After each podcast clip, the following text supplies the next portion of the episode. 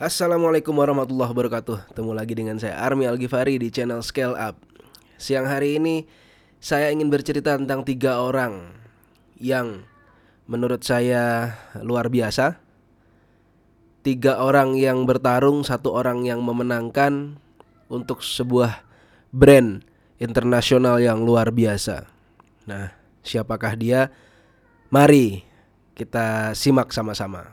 Jadi Tahun 1970 tiga orang ini memulai sebuah bisnis. Bisnisnya seputar ya jual beli kopi. Tahun ya 1970.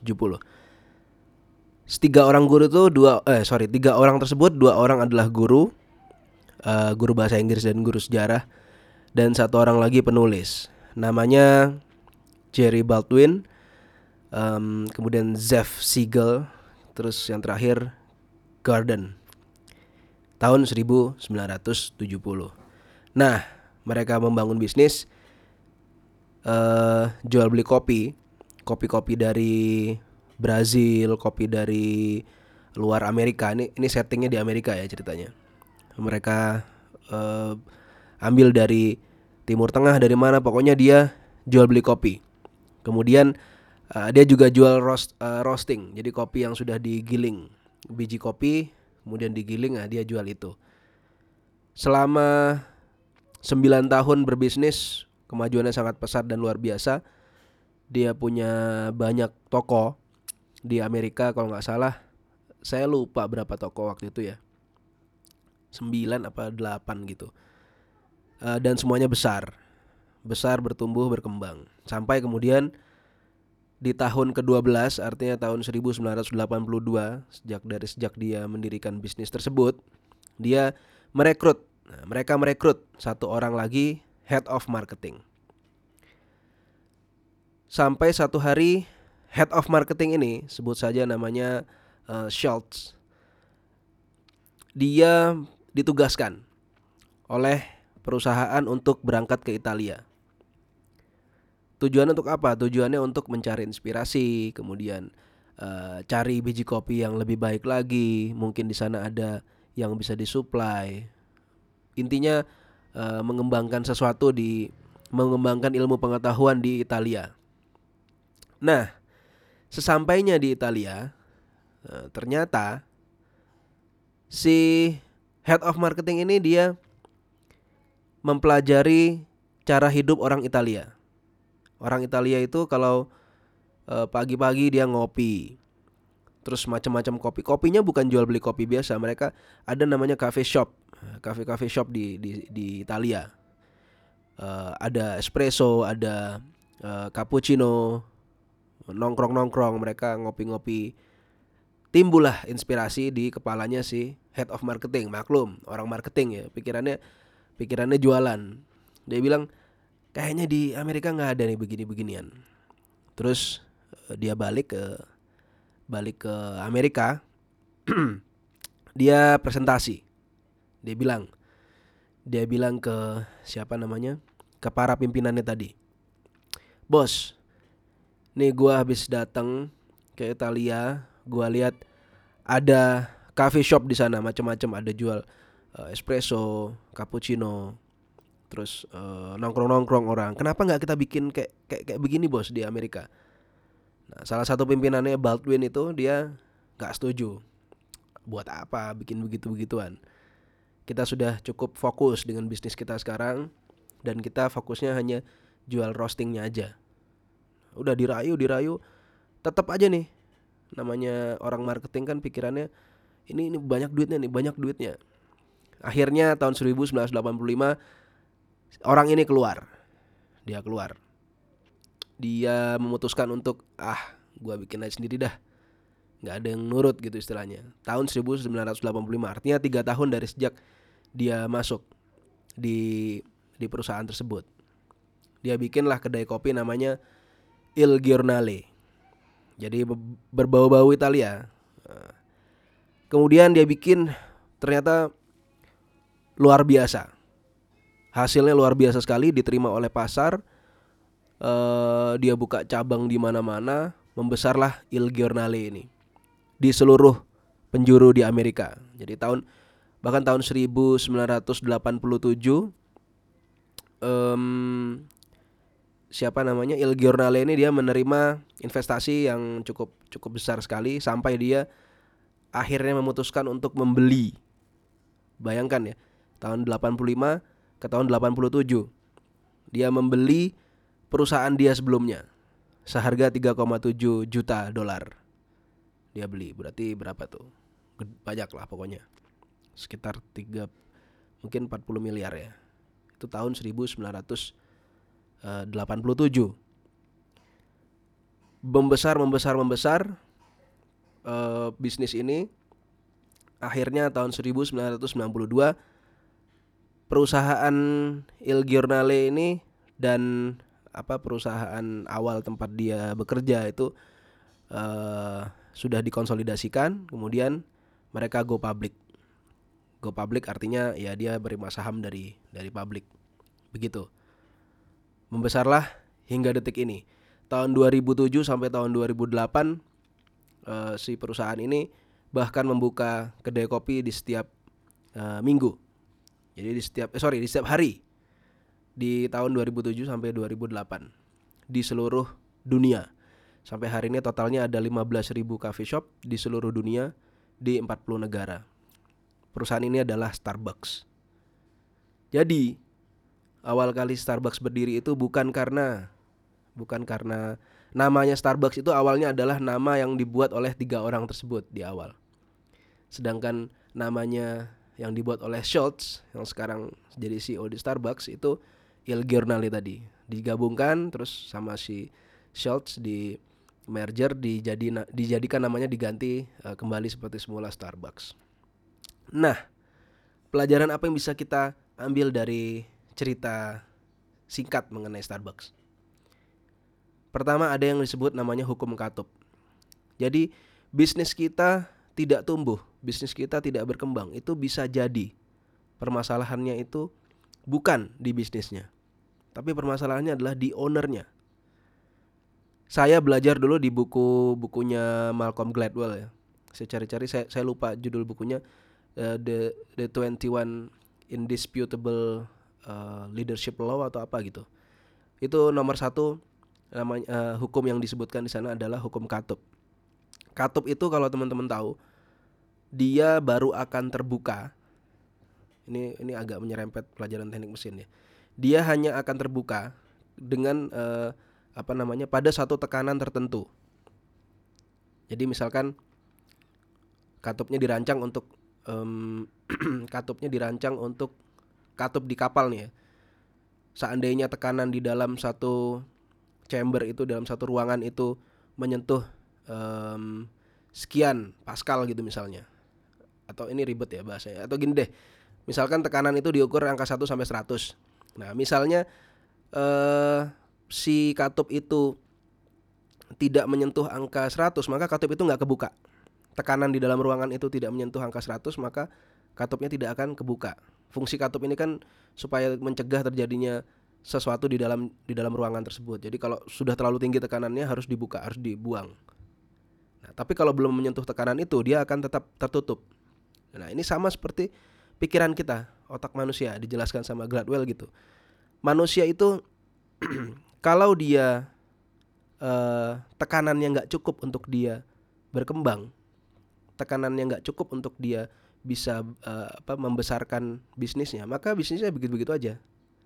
Nah, tekanan itu apa? Tekanan itu adalah ilmu pengetahuan, tekanan itu adalah leadership. Dikatakan sama um, Gladwell begitu. Kalau leadershipnya orang itu nggak cukup, dia tidak akan bisa membesarkan bisnisnya dia sampai titik mana pun. Dan biasanya orang itu nggak tahu kalau katupnya sedang tertutup. Fungsi kita adalah terus-menerus membesarkan, terus-menerus membuat katup ini uh, apa namanya terus kebuka gitu istilahnya.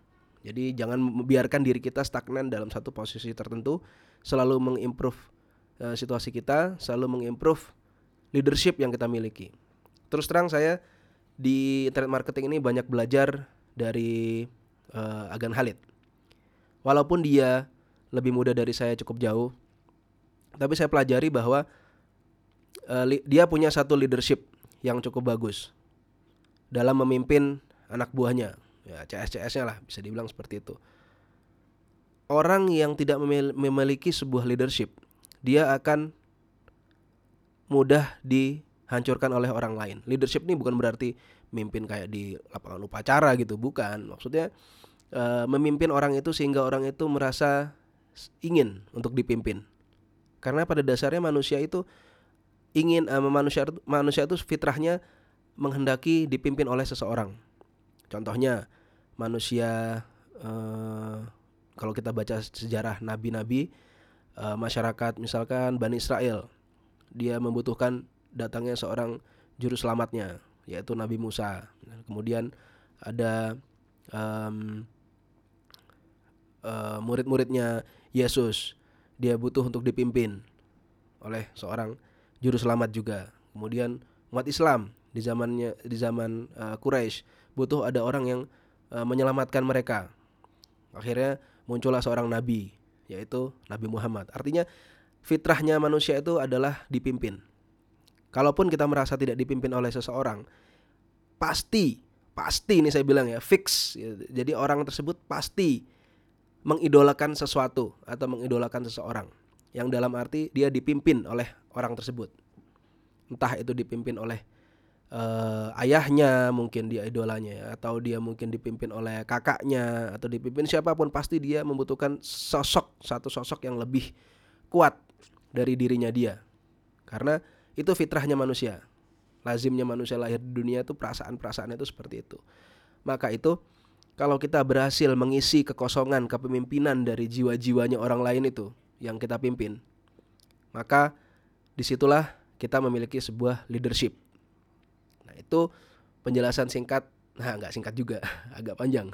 Penjelasan sederhana uh, mengenai hukum katup. Kalau di bukunya kalau teman-teman baca lebih panjang lagi. Mungkin uh, karena bab itu bab nomor satu dan dibahasnya sangat panjang. Leadership itu intinya dari semua bisnis. Bisnis apa pun kita punya toko online misalkan. Punya toko online nggak bisa berkembang, kita bisa jualan. Oke, kita sendirian. Begitu mulai saatnya kita melakukan scale up, kita harus pimpin orang lain. Kita harus mimpin CS1, CS2, CS3. Yang dibutuhkan bukan lagi keahlian CS. Yang dibutuhkan bukan lagi keahlian FB Ads, bukan lagi keahlian teknik apa spam dan lain-lain, bukan lagi itu yang dibutuhkan tapi kepemimpinan sudah sangat banyak orang hancur bisnisnya karena kepemimpinannya berantakan. McDonald's contohnya uh, ketika dia dibuat ini mirip dengan cerita McDonald's, cerita Starbucks di awal-awalnya. Jadi McDonald's kan awalnya bukan yang buat bukan uh, siapa yang bikin lupa saya namanya. Intinya intinya uh, Ron ya. Aduh, saya lupa. Ya, intinya si bosnya McDonald yang yang waktu itu dia membuat McDonald sehingga dia berkembang. Sebutlah namanya Anton misalnya. Nah, Pak Anton ini ketika dia bikin McDonald's e, menjadi membuka cabang di mana-mana, itu sebetulnya dalam tanda kutip mengakuisisi bisnis itu dari orang yang tidak kompeten membangun waralaba. Yang terlalu um, yang terlalu apa? Terlalu perfeksionis kemudian tidak bisa memimpin orang dalam jumlah yang banyak dan uh, merasa sudah nyaman dengan itu-itu aja. Sehingga pada satu titik dia kepemimpinannya harus ditaklukkan oleh orang lain. Bisnis kita juga begitu. Satu orang, dua orang, tiga orang, mulai 10 orang, mulai 20 orang, 30 itu sudah berbeda. Permasalahannya bukan lagi masalah teknis tapi sudah masalah leadership.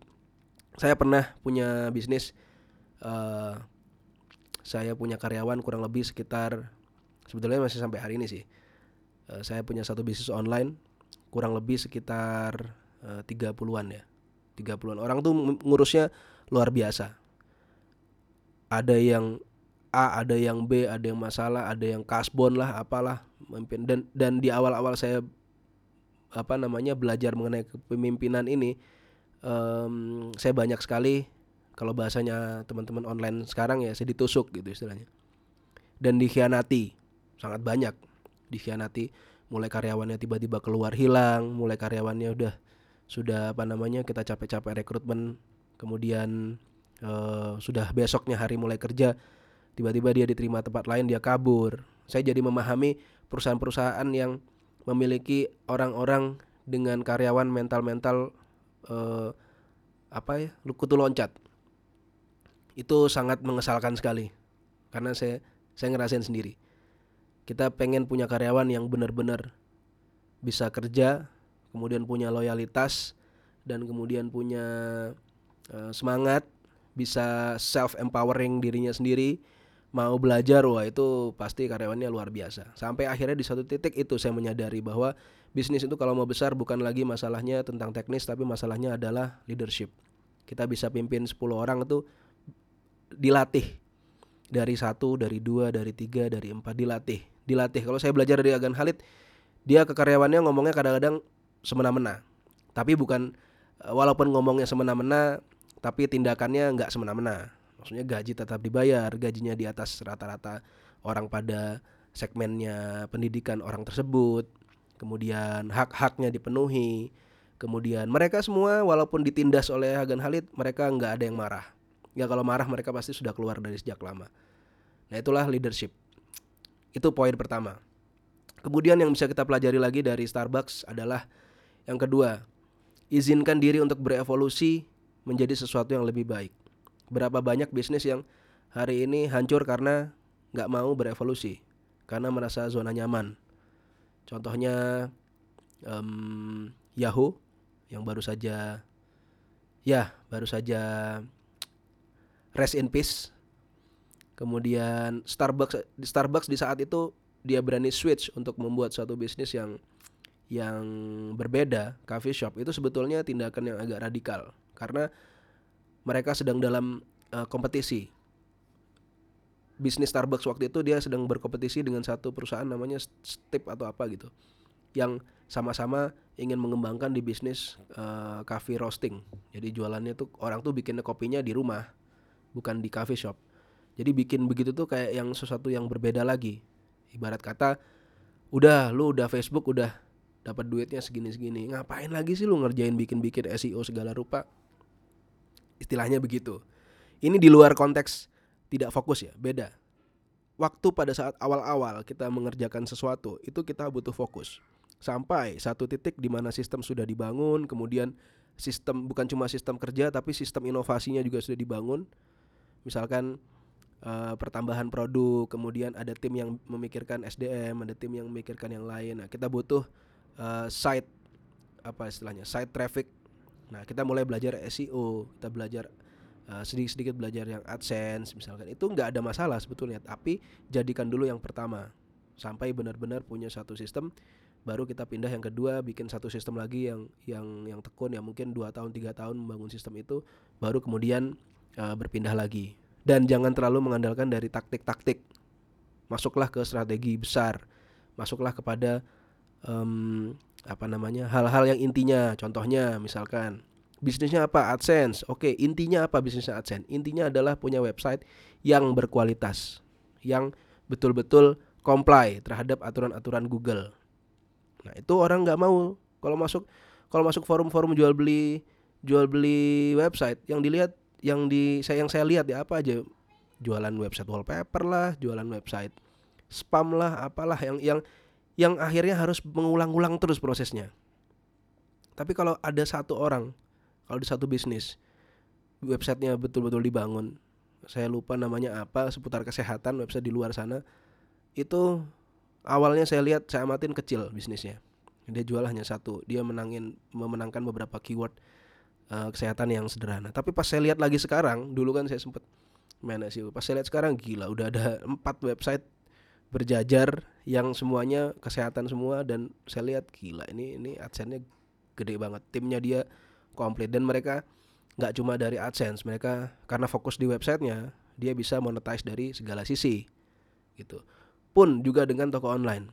Ada yang toko online-nya sekedar sekedar ya misalkan dropshipping dropshipping di awal oke okay, bisa jalan. Tapi setelah itu nggak memulai membangun produk lagi. Saya sudah bahkan saya sendiri mengalami ya, uh, melihat banyak sekali orang wah dropship hebat keren dar penghasilan 100 juta anak muda. Tapi begitu tiba-tiba kena badai di Facebook entah dibajak produknya lah entah uh, tiba-tiba iklan jadi mahal lah karena itu under itu nggak di bawah kontrol kita akhirnya tiba-tiba besoknya bisnisnya berantakan, bayar CS bingung dan lain-lain. Termasuk ya, contoh tidak fokus kepada hal-hal yang fundamentalnya ketika dia uh, apa membangun bisnisnya. Bikin website juga tapi nggak comply dengan aturan Google, melanggar, kabur-kaburan. apa kontennya konten-konten yang dilarang internet positif. Bisnisnya gede, 11 karyawan, 20 karyawan, tapi begitu kena internet positif habis semua terpaksa harus ada pengangguran ngulang lagi dari nol buka lagi websitenya dari awal. Kan capek.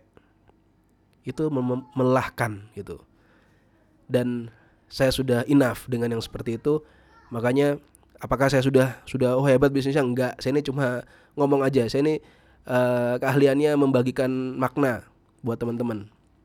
Bisnis saya ya mungkin ada ada uh, cukup lah bisnis saya tapi kalau dibandingkan dengan oh yang suhu-suhu masa-masa yang sampai triliunan dolar sih saya belum.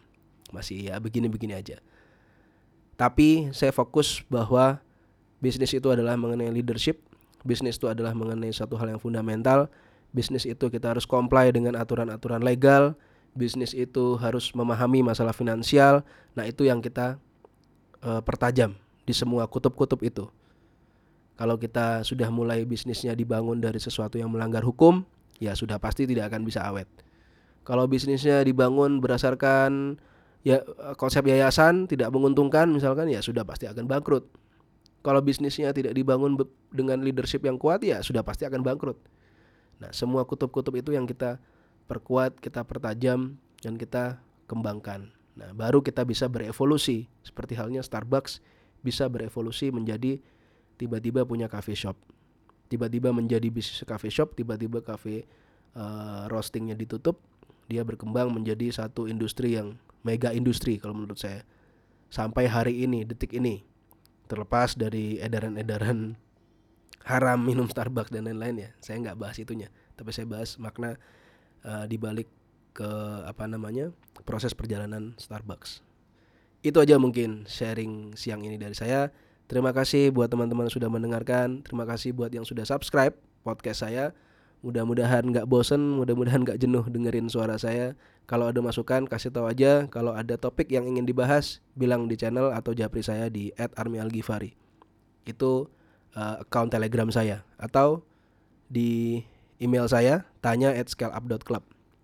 Dan jangan lupa rajin-rajin visit website saya scaleup.club walaupun jarang-jarang update tapi mudah-mudahan bisa memberikan insight yang cukup untuk belajar Facebook Ads.